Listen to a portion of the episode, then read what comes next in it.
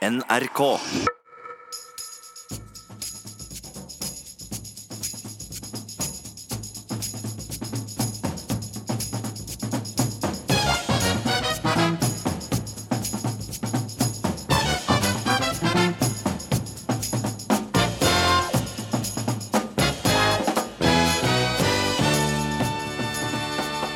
Justisminister Sylvi Listhaug bryter tradisjonen med kirkeasyl, mener KrF. Nei, svarer Listhaug, som møter til debatt i ukeslutt. Skandalen omkring Stortingets byggeprosjekt ruller videre. Men hvordan skal vi egentlig få tjent inn pengene som er blitt brukt? Eh, Hva om eh, de ansatte eller representantene satt i kontorlandskap? Mye mindre behov for dyre kontorer. Mye rimeligere. Kunne spart masse penger. Ukesluttsreporter tok med seg luksusfellen på Stortinget for å se hva som kan gjøres. Kvinneklinikken i Bergen vil i framtiden sende nybakte mødre og barn hjem seks timer etter fødselen. Jordmødre er kraftig provosert. Det er å føde barn, og så så er det ikke forventet at du skal reise deg opp etter seks timer og gå ut, og så skal alt være normalt. For sånn er det ikke. Velkommen til ukeslutt. Mitt navn er Anja Strønen. Denne uken har debatten om kirkeasyl vært høylytt etter at politiet gikk inn i et menighetshus i Fitjar i Hordaland og hentet ut en afghansk familie. Kritikerne har vært skeptiske til måten det ble gjort på, og har hevdet at politiet denne, på denne måten brøt en 25 år gammel praksis om å ikke gå inn i kirkebygg. Velkommen hit, eh, Salik Dar. Tusen takk. Du satt i kirkeasyl på Nesodden fra 2005, da faren din ble pågrepet av politiet og sendt tilbake til Pakistan. Du var 14 år. Fortell oss, hva var det som skjedde?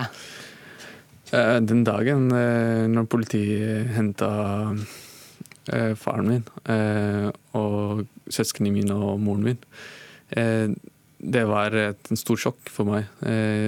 Jeg flykta for eh, livet mitt for å komme, søke asyl. Altså det, jeg visste ikke hva jeg skulle gjøre av meg.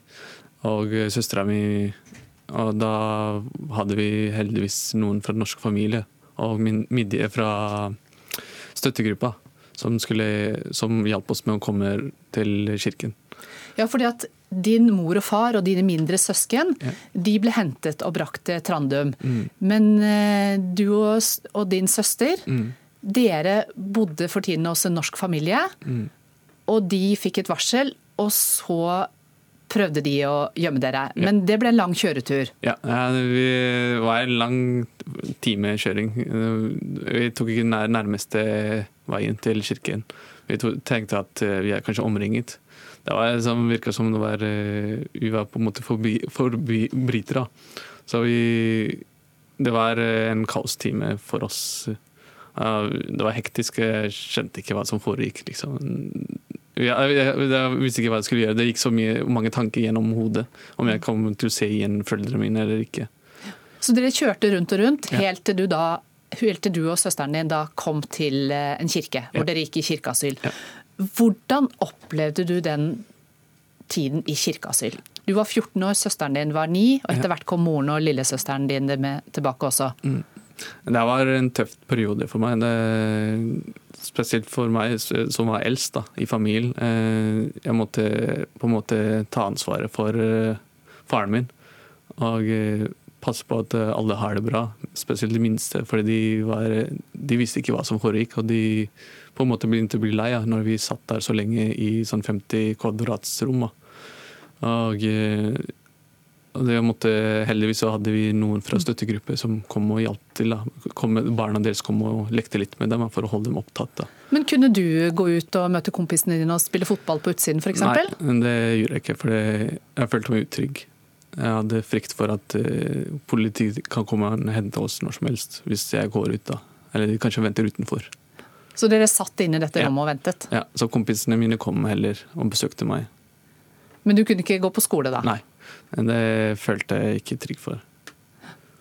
Hvordan opplevdes det, den, det å sitte der og vente? Det var, det var jo håp da, at, vi får en rettferdig behandling da. Eh, av, til slutt. da.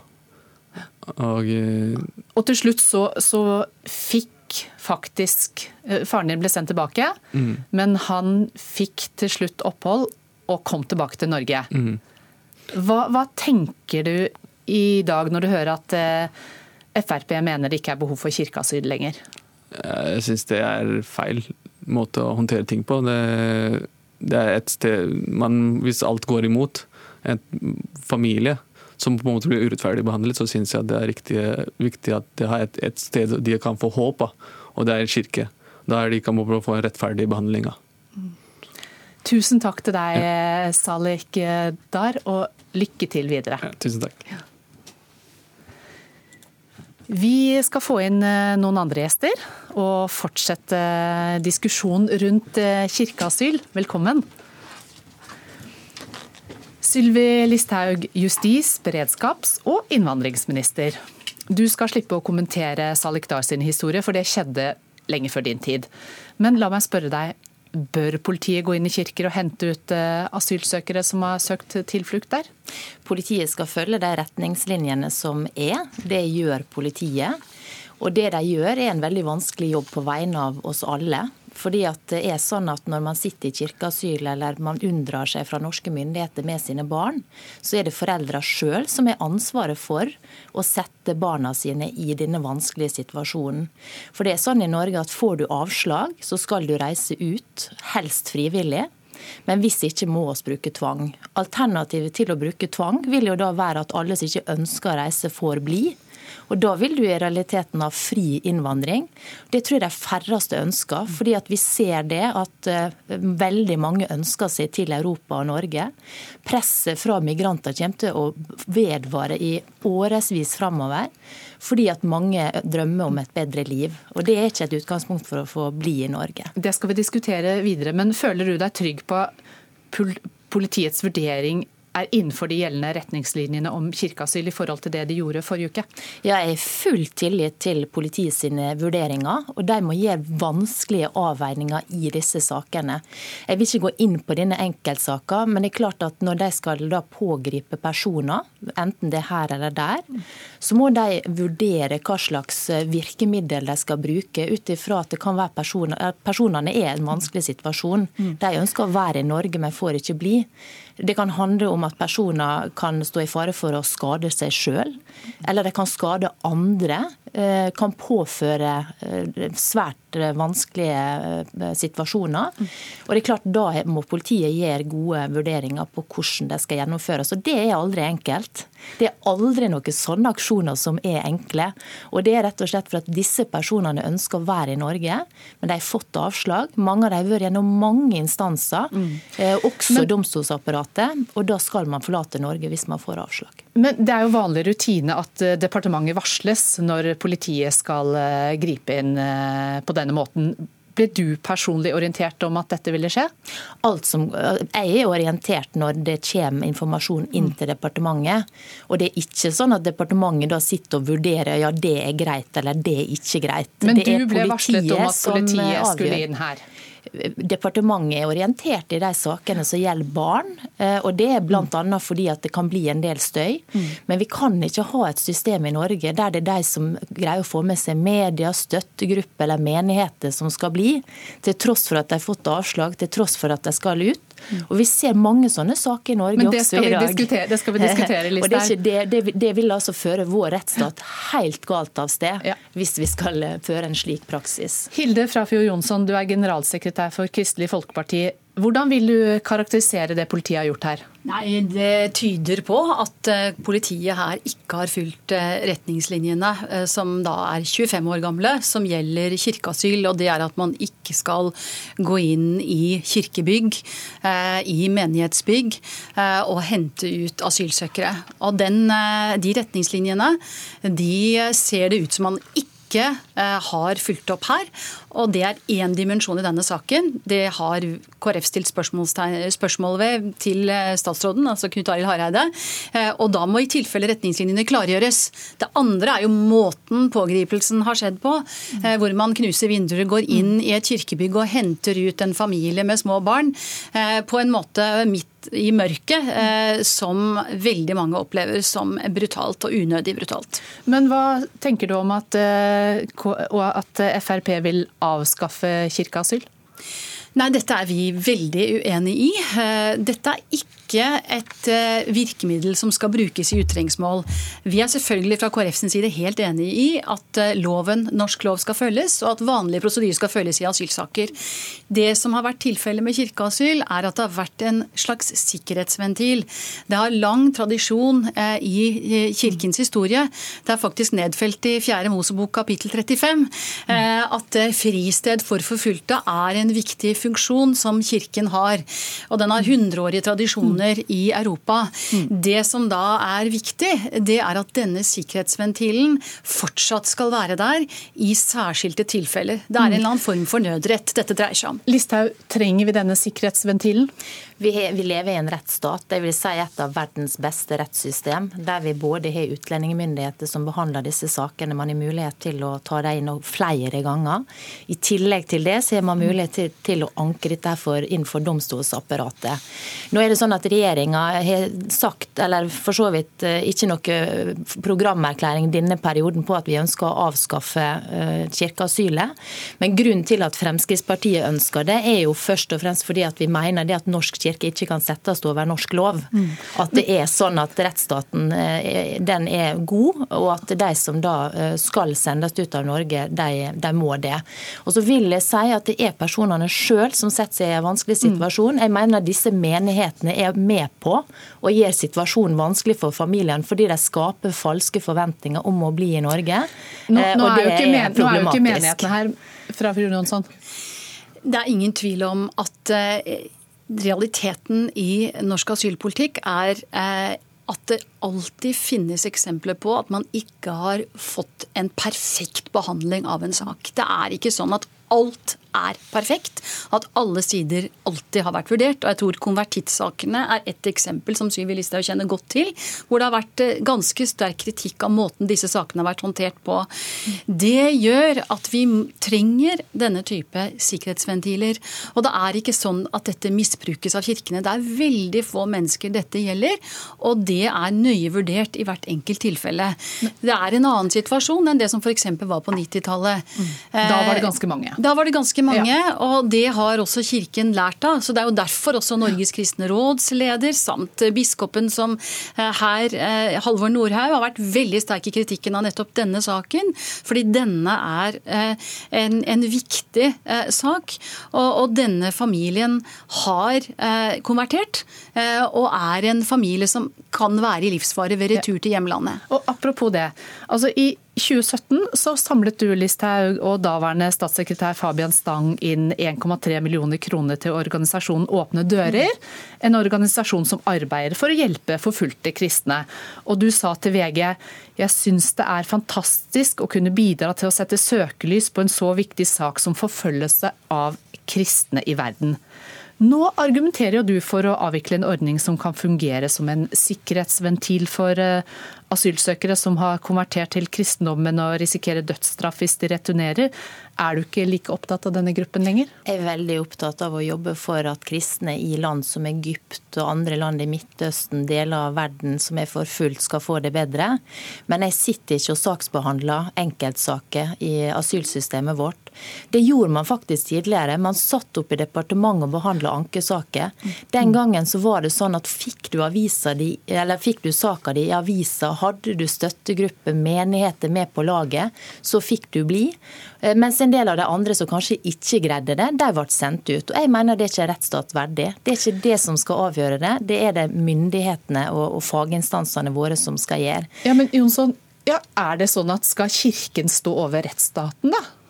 Kirken har eh, en egen funksjon i det å stille opp for mennesker i nød og være, ha en fristedsfunksjon, eh, en beskyttelsesfunksjon. Det er det tradisjon for, og det har faktisk Justisdepartementet for 25 år siden eh, slått fast.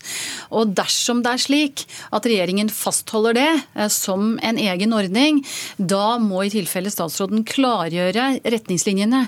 Fordi slik situasjonen er nå, så argumenterer argumenterer politiet med at dette ikke var en kirke. Det var det. Bygget var til og med vigslet. Denne familien befant seg inne i et vigslet bygg der det foregår kristne møter, og der det forkynnes. Eh, det er en Det er det jo en diskusjon om. Vi skal ikke gå inn på denne diskusjonen, men jeg har lyst til å spørre deg helt kort til slutt, Listhaug. Når tror du kirkeasyl er avskaffet? Det får tida vise. Men jeg er opptatt av å si det at det, jeg mener det er viktig som politikere at vi har stø kurs. At vi ikke snur kappa etter vinden. At det ikke er sånn at enkeltsaker at man skal begynne å gripe inn. Da bærer det helt galt av sted. Hvis man ønsker en streng asylpolitikk i Norge, så er det summen av enkeltsaker det handler om. Ja. Fordi at Hvis vi skulle gå inn og gjøre om alle de sakene som kommer i media, der du er støttegruppe og folk som syns at folk er hyggelige, da ville vi hatt fri innvandring ja. til Norge. det tror det er det sagt, men, men ser du for deg at kirkeasyl er avskaffet? Eh, mens dere sitter i regjering? Nå I denne perioden så står det ikke i plattformen at vi kommer til å foreslå det, men jeg mener at retningslinjene som ligger der nå er gode, og jeg har full tillit til at politiet vil følge dem. Takk til deg, Sylvi Listhaug og Hilde Frafjord Jonsson. Dramaet rundt den store byggeskandalen på Stortinget fortsetter. Denne uken tok flere politikere til orde for at Olemic Thommessen må ta hatten sin og gå. Men ennå har ingen kommet med en god løsning til hvordan denne budsjettsprekken skal betales. Ukeslutts reporter har forsøkt å hjelpe. Du har ikke en krone å avse, du da? Jeg prøver å samle inn litt penger her til Stortinget. Nei, det får de finne ut pengene selv. jeg er på gata i Oslo og prøver så godt jeg kan å samle inn noen kroner for å dekke Stortingets store budsjettsprekk. Det anslås nå at Stortingets byggeprosjekt med total rehabilitering av deler av bygningen ny innkjøringstunnel til garasjen og nytt postmottak for en prislapp på 2,3 milliarder kroner. Dette betyr at byggeprosjektet sprekker med 1,2 milliarder kroner totalt. Det er det dummeste jeg har hørt. Samle inn penger til noe som vi betaler for resten av året. Nei takk. Hvordan skal man så tette denne budsjettsprekken? På gata er det lite giverglede til akkurat dette formålet. Derfor oppsøker jeg en som kanskje har noen råd. Vi har gjort en del innsamlingsaksjoner her i NRK. Da. Dugnad for Haiti, dugnad for Nepal. Og det norske folk stiller jo alltid opp. Det er helt fantastisk hvor mye penger vi klarer å samle inn på veldig kort tid. Nadia Hasnaoui har ledet flere innsamlingsaksjoner på TV, og vet hva som skal til for at folk åpner lommeboken. Nå er jo du en høy og kjekk kar, da. Og så tror jeg du skal bare by på et smil. Jeg tror ikke du skal være så trist og ikke være deprimert og si at alt er fælt nede på Egertorget og sånn. Nede på Stortinget. Eh, du må, du må gi eh, disse som skal gi penger, du må gi dem håp. Ikke sant? For det er da vil vi gi penger. Vi må være helt sikre på at dette ikke går til noen sånne korrupte ledere som sitter på noen fine kontor med store vinduer. Vær positiv. Tommel opp. Eh, alle monner drar. Takke.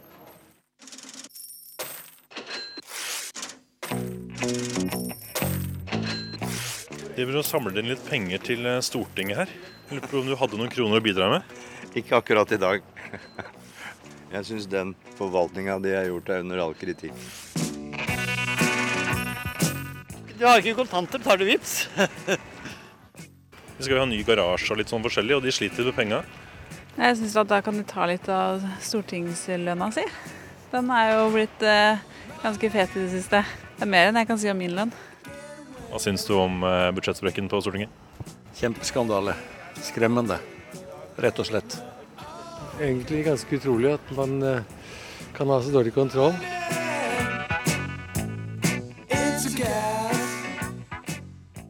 Det det handler om, det er jo også å få kuttet ned forbruket, sånn at man har et bærekraftig forbruk. Ikke bruke mer penger enn det man tjener. På Løvebakken treffer jeg Magne Gundersen, forbrukerøkonom i Sparebank1. I TV-programmet Luksusfellen på TV3 er han vant til å hjelpe folk som har havnet i økonomisk uføre. Et viktig råd det er å, at man planlegger utgiftene sine. Og da egentlig sette opp et budsjett. Og clouet med et budsjett det er at da får du først en oversikt. Men det aller viktigste er å følge budsjettet. Sånn, ja. Her er det garderober. Og toaletter. Det er ikke gullkraner her, da. Det var litt skuffende, kanskje. Men det er marmorbenker. Det er det. Så det er solide saker. Inne på Stortinget ser Gundersen fort mange grep man kunne gjort for å spare på utgiftene og for å få nye penger inn i kassa. Altså, Her er det opplagt veldig mye uh, muligheter. Jeg tenker på, Det henger mye sånne gamle bilder og sånn rundt omkring i, i gangene her. sånn. Tidligere stortingsrepresentanter. Hva om hver stortingsrepresentant signerte noen bilder, da? Kanskje de fikk noen kroner for det? Og stortingspresidentens eh, bilde, kanskje i farger til og med. Eh, det burde få en god slump med penger for. Så et, en stortingsloppis det hadde vært en kjempeidé. Det kunne faktisk innbrakt ganske mye penger. En stortingsloppis, altså. Men det stopper ikke der. Magne har spare- og inntjeningstips om det aller meste. De kan jo eh, sette opp eh, parkometer i kjelleren her, i parkeringskjelleren, som man må betale. Eh, hva om de ansatte eller representantene satt i kontorlandskap? Mye mindre behov for dyre kontorer. Mye rimeligere. Kunne spart masse penger. Hva med boforholdene for stortingsrepresentantene, da? Er det ikke litt råflott at alle på tinget skal ha egen leilighet? Det er klart at det er mye rimeligere å bo sammen. Du kan dele på eh, bredbånd, du kan dele på eh, NRK-lisensen, ikke sant. Eh, og så er det ganske sosialt og hyggelig, da. Det er egentlig fantasien bare som setter grenser her sånn. Da står vi utafor Stortingets kafeteria her. og ja. Er det noe man kunne gjort her inne, tenker du, på innstramninger? Kanskje ikke fullt så høye smørbrød, f.eks. Kanskje ikke subsidiere den. Et godt råd vi gir Luksusfellen, det er jo smør nista di sjøl. Det er faktisk eh, det billigste. Og blir det mindre omsetning i restauranten, så blir det færre ansatte og færre utgifter. Så det her er det opplagt muligheter å spare penger. Stortingspresident Olemic Thommessen kunne ikke stille til intervju i denne saken, og derfor får jeg heller ikke overlevert pengene jeg har samlet inn. På fortauet utenfor Stortinget sitter det en mann som nok har mer bruk for de skarve kronene enn de folkevalgte, tross alt. Ja, Det ble ikke noe penger til Stortinget, men eh, kanskje du vil ha pengene mine isteden? Ja, Det var ukesluttsreporter Andreas Hagen Haakonsen som forsøkte å finne en løsning på Stortingets budsjettsprekk.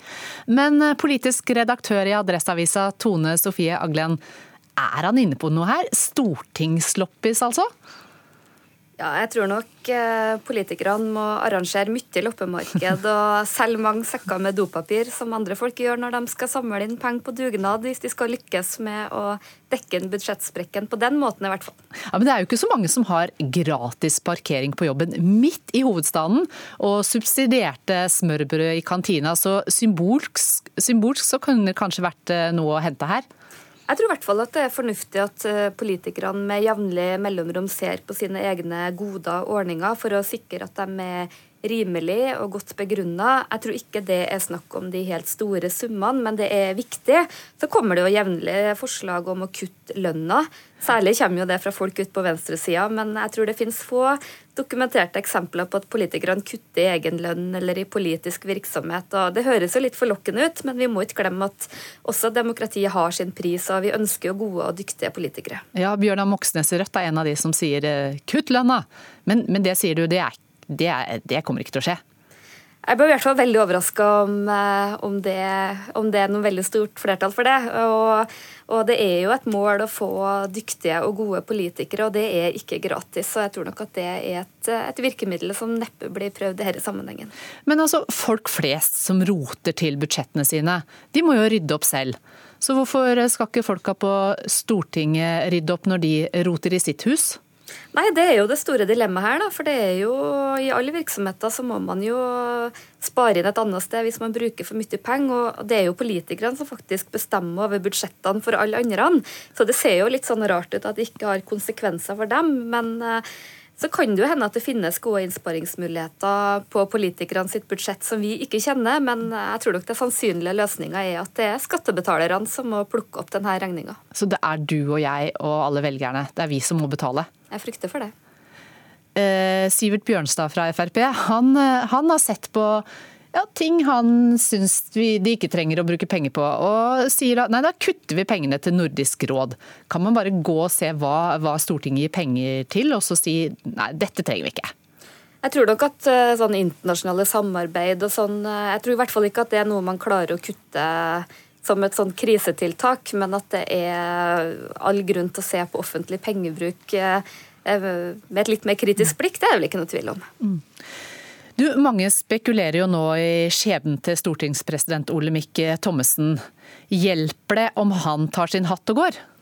Det hjelper i hvert fall ikke på budsjettet, for eh, Thommessen vil jo uansett fortsette som stortingsrepresentant, og det må uansett velges en ny stortingspresident. Så vi sparer jo ikke noe penger her. Penger sparer vi ikke, men det har nok en stor symbolsk betydning. For eh, i de fleste andre virksomheter så ville toppsjefen blitt kasta eller gått sjøl etter en så stor sprekk, og ikke minst for å ha hatt ansvar for et så skandaløst dårlig leda prosjekt. Og det ser jo ikke helt bra ut at det ikke har konsekvenser her. Tror du han må gå? Ja, Tilliten til Thommessen var tynnslitt allerede i høst, og han ble valgt med et nødskrik. og Jeg tror det er vanskelig for han å fortsette. Vi ser også at nå rører det på seg i regjeringspartiene. Eh, så Mange syns nok det er urimelig at han skal bære hele ansvaret, men sånn er det å være leder. Noen må ta ansvar, og særlig gjelder det en stortingspresident som skal være samlende og ha bred tillit. Så jeg tror han ser det og trekker seg sjøl, hvis det ikke kommer fram noe helt nytt. Mm, ja, for stortingspresidenten han skal redegjøre for Stortinget om den siste overskridelsen i dette prosjektet på tirsdag, og det kan jo kanskje bli en skjebnedag for han. Takk til deg, Tone Sofie Aglen, politisk redaktør Adresseavisa. Bli med videre i ukeslutt og hør at nybakte mødre og barna deres får mindre og mindre tid på sykehusene etter fødselen. Det gjør jordmødre bekymret for liv og helse. Foran Bjørn Dæhlie, foran Ole Einar Bjørndalen på lista. Det er ingen over, ingen ved siden av Marit Bjørgen. Forrige søndag ble hun tidenes vinterolympier, men i 2015 så ble Marit Bjørgen rådet til å legge opp. Hør hva han som ga rådet den gangen sier nå.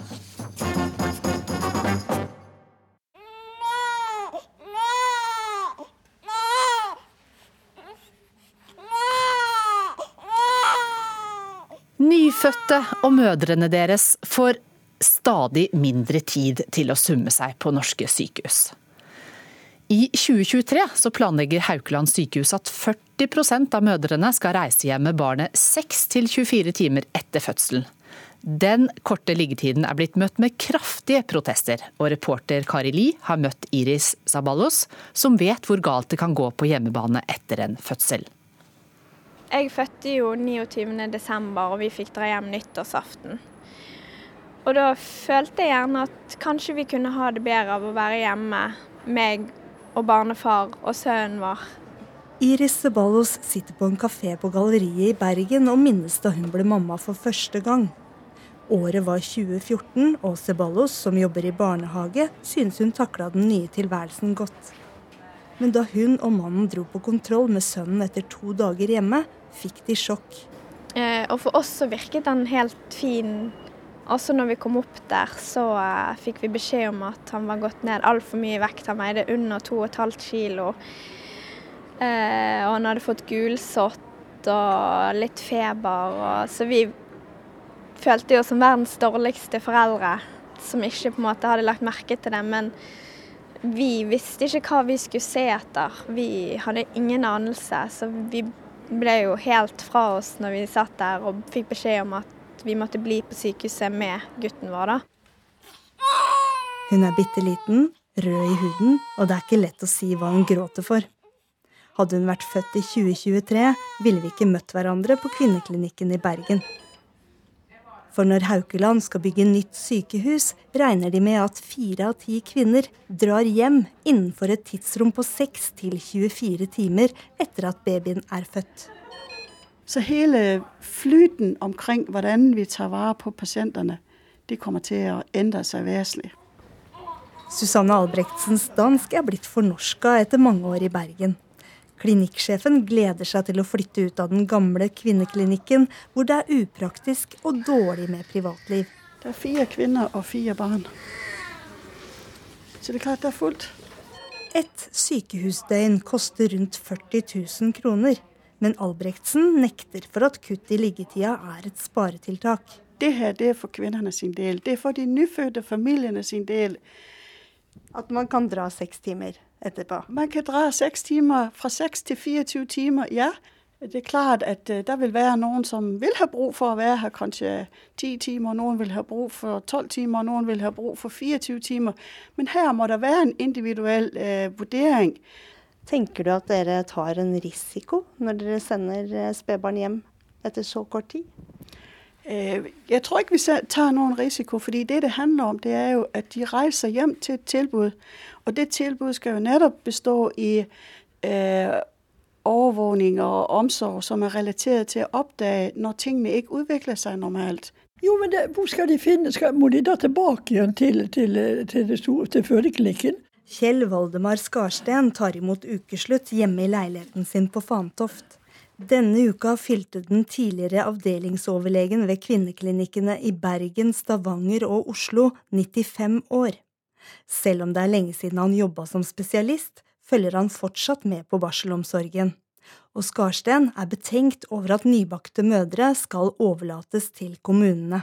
En distriktslege har jo ikke de samme kvalifikasjonene som en spesialist. Så, og en jordmor er jo heller kanskje ikke toppkvalifisert til å kunne ordne opp i alle de forholdene. Synes, med den geografien vi har her i landet, så syns jeg det høres betenkelig ut. Liggetid på noen timer etter fødsel ville vært uhørt i Skarstens tid. Ja, det var en standard liggetid på kvinneklinikken husker jeg, i Bergen. Da var det fem døgn. Det var, det var fast takst. Og, og, da fikk de, og de så ukompliserte, reise hjem. Selvfølgelig de som var forløst ved keisersnitt eller kompliserte fødsler, de ble jo liggende lengre. Og, og, var det noen som absolutt ville reise kanskje et døgn før, så, så fikk de vel kanskje det. Men det, det tror jeg ikke de fleste ønsket den gangen. Fem dager på sykehus, ble det ikke da litt hotell også, på en måte for noen? Hvis de hadde hatt en veldig lett fødsel, da?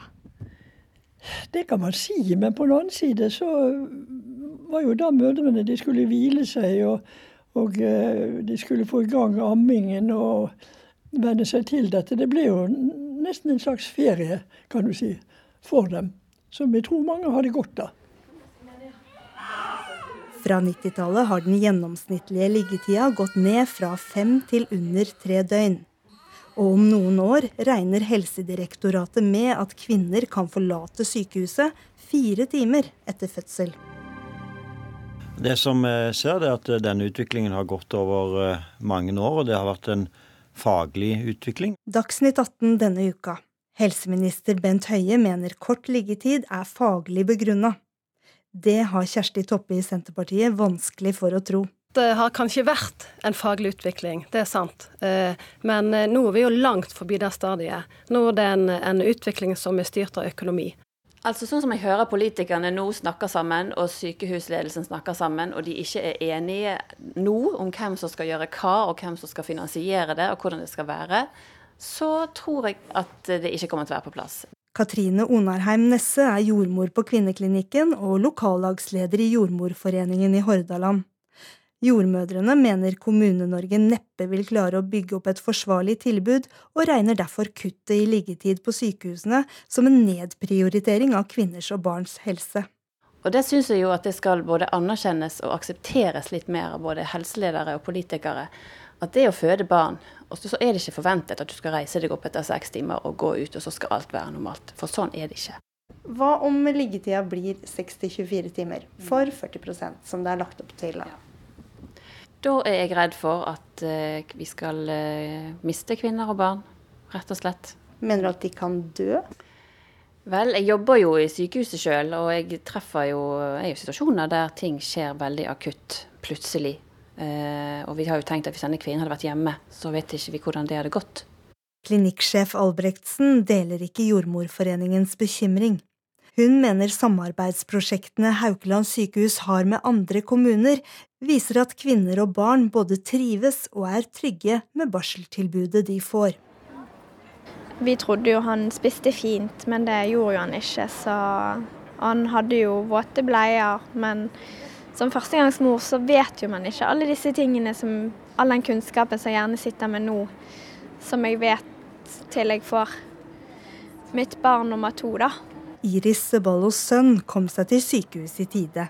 Han ble frisk og er nå fire år. Under den stripete genseren har mora en ny, så vidt synlig kul på magen. Selv om terminen er over sommeren, har hun begynt å bekymre seg for at hun skal bli sendt tidlig hjem jeg, treng, jeg, kommer nok til å trenge den tiden eh, vi har på sykehuset til å komme meg og, og virkelig vite at ting har kom, Altså at amming er fint i gang og gjerne se at barnet mitt går litt opp i vekt før vi drar hjem. Og at det ingen dramatiske ting kan skje når vi drar hjem. At vi faktisk blir tatt godt vare på før vi drar hjem. For to år siden så mente han at det var på tide at Marit Bjørgen la opp, mens hun var på toppen av karrieren. Men toppen var ikke helt nådd. Det er resultatene fra årets OL et bevis på. Bjørgen overtok tronen som tidenes vinterolympier fra Ole Einar Bjørndalen. Var jeg så dum at jeg sa det, sa du til VG denne uka, Bjørge Stensbøl. Du er tidligere toppidrettssjef. Hvorfor var du så dum? Ja, si det. ja, med fasiten i hånda så var jo det fryktelig dumt sagt. Ja, men Hva, hva, hva var begrunnelsen din den gangen for at, eh, for at du mente at eh, hun skulle gi seg? Ja, det var vel med litt uh, glimt i øyet. Marit hadde sagt at hun uh, ønsket seg barn og uh, savnet et familieliv. Og da Livet er jo ikke bare medaljer. Det var jaggu meg godt hun ikke fulgte ditt råd, for hør på dette. Og så er også smilet framme. Det blir norsk rekord i antall gull, norsk rekord i antall medaljer. Marit Bjørgen tar det norske flagget med 100 meter igjen. Staker inn med én stav og smiler som aldri før. Hun kommer til å være foran Bjørn Dæhlie, foran Ole Einar Bjørndalen på lista. Det er ingen over, ingen ved siden av Marit Bjørgen. Hun er den største gjennom alle tider. Ja, Bjørge Stensbøl, holder begrunnelsen din i dag? Nei, overhodet ikke. Du, Da skal vi få inn en annen her. Anniken Huitfeldt, du leder Arbeiderpartiets kvinnenettverk. Syns du Stensbøl var dum da han ville Bjørgen skulle gi seg på topp? Han sier jo det sjøl. Så eh, det var jo lurt at hun ikke lytta til de rådene hun fikk fra Stensbøl og andre tidligere idrettsledere som sa det råd, ga henne det rådet. Og Det som har vært veldig bra i norsk toppidrett de siste årene, er jo at det har vært mulig å kombinere med det å ha barn. Både innenfor langrenn, håndball, fotball. Og vi har fått kjempestore prestasjoner fordi at norsk idrett har klart å legge til rette for at man kan gjøre begge deler. Men hvorfor tror du det er Bjørgen og ikke f.eks. Sundby eller Bjørndal som får et slikt råd? Jeg tror mange erfarne kvinner får det rådet at nå bør du slutte å gi plassen eller muligheten til en yngre kvinne, selv om det er mange gode år med prestasjoner igjen. Og jeg har jo sett at Stensbøl har sagt det motsatte om Bjørndalen nå, selv om han er 43, at han bør få plass. Så jeg tror det er litt sånn at kvinner må gi seg fortere i de forventningene som er i samfunnet, men vi bør egentlig få kvinner innenfor alle deler av samfunnslivet til å stå lenger. Stensbøl, hva tenker du når du hører Huitfeldt her? Ja, jeg har Da jeg var i posisjon, så anbefalte jeg flere gutter, eller menn, da, å, å gi seg. Jeg tror aldri jeg har gjort det med en kvinnelig utøver da jeg satt i posisjon. Men hvorfor vil du ha Bjørndal med videre, da? Ja, det var ikke å fortsette karrieren. Så det blir en sammenblanding. Det var i, forhold til OL, fordi jeg mente at han er verdens beste i vind. Og vi visste det ble mye vind der, og vi visste at Ole trener veldig mye på vind. Så derfor mente jeg at han burde fått sjansen der. Men det var ikke i forhold til om han skulle fortsette karrieren eller ei. Men du, du var jo tidligere toppidrettssjef, og når du da gikk ut og anbefalte at Bjørgen kanskje burde avslutte karrieren sin, så satt jo du i en posisjon med, som var ganske viktig. Tenkte du over det da du kom med rådet ditt? Nei, nei. Nei, dette var jo en journalist som ringte, og da var det litt glimt i øyet igjen. Og som jeg akkurat sa, hun hadde jo nettopp sagt at hun ønsket seg barn og savnet et familieliv. Og da, da tenkte jeg at OK, da kan jeg følge opp det og si at kanskje nok er nok. Men med fasit i hånda, så hun har jo klart begge deler. Fantastisk. Huitfeldt, hvordan blir kvinner og menn eh, behandlet forskjellig, mener du? Man sier ofte at kvinner må ha killerinstinkt, eller du må ha killerinstinkt for å bli ledig. Men jeg har brukt veldig mye tid på å overtale kvinner til å påta seg posisjoner. Og det vet jeg er innenfor andre samfunnsområder også. Um, fordi at de må bli overbevist om at de kan prestere. Uh, enten det er innenfor journalistikk, eller innenfor en kommune, eller, eller næringsliv eller politikk. Så jeg tror at eh, vi må jobbe med kvinner og menn litt annerledes. Jeg har diskutert dette med mange trenere innenfor fotball og langrenn. Vi må ofte motivere kvinner og menn på andre måter. Jeg fant ut denne teorien da litt sånn på frihånd sammen med noen sånn idrettstrenere, og det var at kvinner som eh, ikke får tilbakemelding, de tror det er kritikk. Mens eh, menn som ikke får tilbakemelding, de tenker det var jo bra, jeg fikk jo ikke kjeft. Så det er liksom ulike måter å motivere menn og kvinner på. Og jeg tror at for kvinner skal stå lenger. Og jeg tenker, eh, Når vi ser f.eks. på 'Mesternes mester', Bjørg Eva Jensen, burde ikke noen overtalt henne til å stå, stå lenger? Hun var jo fantastisk idrettsutøver. Gjorde det flott innenfor sykling etterpå. Så jeg tror man må jobbe mer med kvinnene. Stensbøl tør Ja, vær så god. Jeg følger henne langt på vei på det. Eh, kvinner må trenes annerledes enn menn, i hvert fall. Ja, men det er ganske viktig hvilket signal toppledelsen sender også, da, om de vil ha med kvinnene videre eller ikke, er det ikke det? Jo, jeg husker i 95, tror jeg det var 96, så startet vi et uh, veldig omfattende kvinneprosjekt, nettopp som Huitfeldt sier, for å få kvinner til å stå lengre i karrieren. Vi tilrettela og flere, flere, utøvere har nevnt akkurat det, eh, at de kunne fortsette. Hvilke signaler eh, sender dette? Nei, altså, Nå sier jo Stensbøl at det var dumt sagt, så jeg har ikke lyst til å dvele mer med det. Men jeg bare, sant, jeg setter også innenfor Forsvaret, jeg driver med, mye med utenriks- og forsvarspolitikk nå, at det var en som fortalte meg at en flyverinstruktør i Forsvaret hadde en kvinnelig og en mannlig eh, soldat som, som skulle bli flyvere. da. Og eh, jenta sa eh, liksom hele tiden 'er jeg god nok', er jeg god nok? Mens gutten hele tiden eh, lurte på 'når kan jeg fly alene'?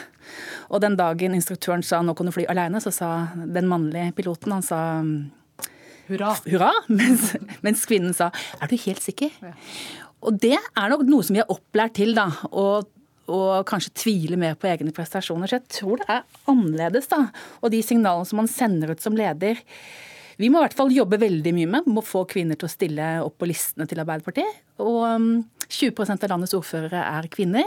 Så det krever mer da, å få kvinner til å ta topposisjoner. Vi må tro på dem, vi må si fra til dem at de er gode nok.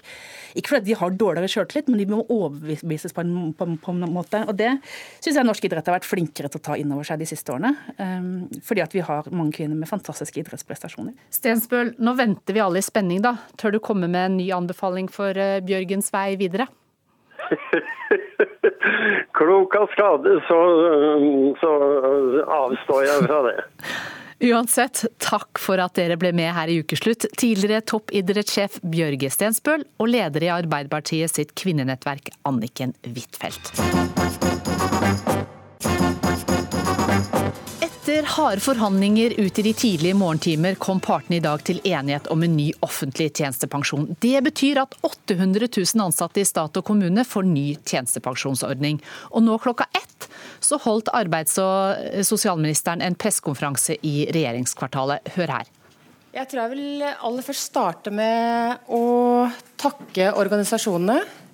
Det har vært eh, krevende. Det er mye som står på spill for veldig mange eh, mennesker. Organisasjonene de har slåss som løver for å få mest mulig gjennomslag for eh, sine eh, medlemmer. Det er eh, et stort mangfold og bredde i de medlemmene som organisasjonene representerer, og det har vært jobbet veldig hardt. Reporter Trond Lydersen, du er på pressekonferansen. Hva betyr disse endringene for, ny, for de 800 000 som nå får ny pensjonsordning? Altså, det betyr at eh, de som eh, tidligere har hatt en eh, AFP-ordning som har vært en tidligpensjonsordning, de får nå en ny AFP-ordning. Og I tillegg så sikrer de at de som er de såkalte sliterne ikke blir henvist til å gå over i en slags uførestilling. Det er noe de kaller en betinget pensjonsordning. Og i tillegg, hvis du jobber i offentlig sektor, så vil du kunne tjene penger og ta ut pensjon samtidig. Men hvem, hvem er disse 800 000? Er alle de sliterne? Nei, det er det jo opplagt ikke. Og så er det spørsmål hvor mange er det, og hvor mange er det ikke, for å si det sånn. Men det er de som i hvert fall ikke står eller ønsker eller kan stå i yrkeslivet så lenge til at man tjener opp nok pensjon til at det er bra å leve av etterpå. Og Der er det jo viktig å si hva som kommer til å skje nå, for der har de laget noen regneeksempler. Og det er litt interessant. For hvis du er da en vanlig adjunkt nå, ikke sant? og så er du eh, hvis du er født i 1963, altså 55-åringene, de vil, hvis de går av med 67 år med denne nye ordningen, få to tredjedeler av lønna. Det er jo ganske bra. Det er sånn som man har det nå. Men tenk på 25-åringene. da. Hvordan er det med dem? Og Der er det også laga et regnestykke. Og Hvis du går av som 67-åring da, så får du 55 av sluttlønna di. Så der ser vi at det regnestykket det er ikke så bra. Og det sier jo bare én ting, man må jobbe lenger for å få en god pensjon. Tusen takk skal du ha, Trond Lydersen, og dette kan du også lese mer om på nrk.no sine nettsider. Da skal vi til været, og det har vært kaldt den siste uken, statsmeteorolog Rafael Escobar Løvdahl. Blir det like kaldt framover?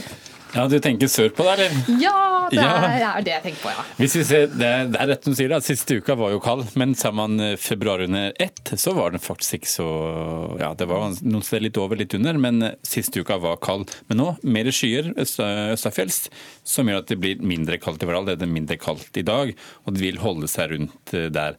Så for Østlandet, Telemark og Sørlandet er det en skyet værtype, vind omkring øst. Eh, litt snø vil det være på Sørlandet, men nordøst eh, frisk bris langs kysten er økende kanskje til liten kuling da lengst i sør. Drar vi til eh, Vestlandet, så er det stort sett oppholdsvær. Mulighet for noen solgløtt, for det blåser fra øst. Den østavinden tar seg nok litt opp i morgen. Det er nok snakk om en frisk bris utsatte steder. I Rogaland sørøstlig liten kuling ser det ut til. Også i fjellet øker vinden litt i morgen, særlig da i Langfjella hvor det ventes en liten kuling fra øst siste del av eh, dagen. Drar vi eh, nordover til Trøndelag og Møre og Romsdal. Noen få snøbyger eh, i morgen vil det gå, men litt lettere mellom disse snøbygene og skiftende bris. Så er vi nord av dette, så er det mye pent vær. Det har vært mye pent vær over lang tid egentlig i Nord-Norge, og det vil det være også i morgen. Men noen snøbyger vil det fortsatt gå på kysten av eh, Finnmark. I morgen eh, dreier vinden noe mer østlig. Det gjør at da blir det nok fra Hammerfest og videre mot eh, Nordkapp og videre rundt til Vardø f.eks. Man får noen snøbyger, men greit innimellom bygene. Og på Spitsbergen, her du nevnte i stad disse her temperaturene. Der har det vært over normalen i februar. Det var hele 10,8 grader over. Og det, vi har ikke hatt en måned under normalen der siden 2010. Så, men nå i morgen og i dag svær temperatur mellom minus 10 minus 15. Lett skyet i Longyearbyen og oppholdsvær. Ikke noe å klage for, med andre ord. Og da nærmer det seg slutt av sending her. Ansvarlig for sending Jaran Ree Michaelsen. Teknisk ansvarlig Hans Ole Hummelvold. Og her i studio Anja Strømen.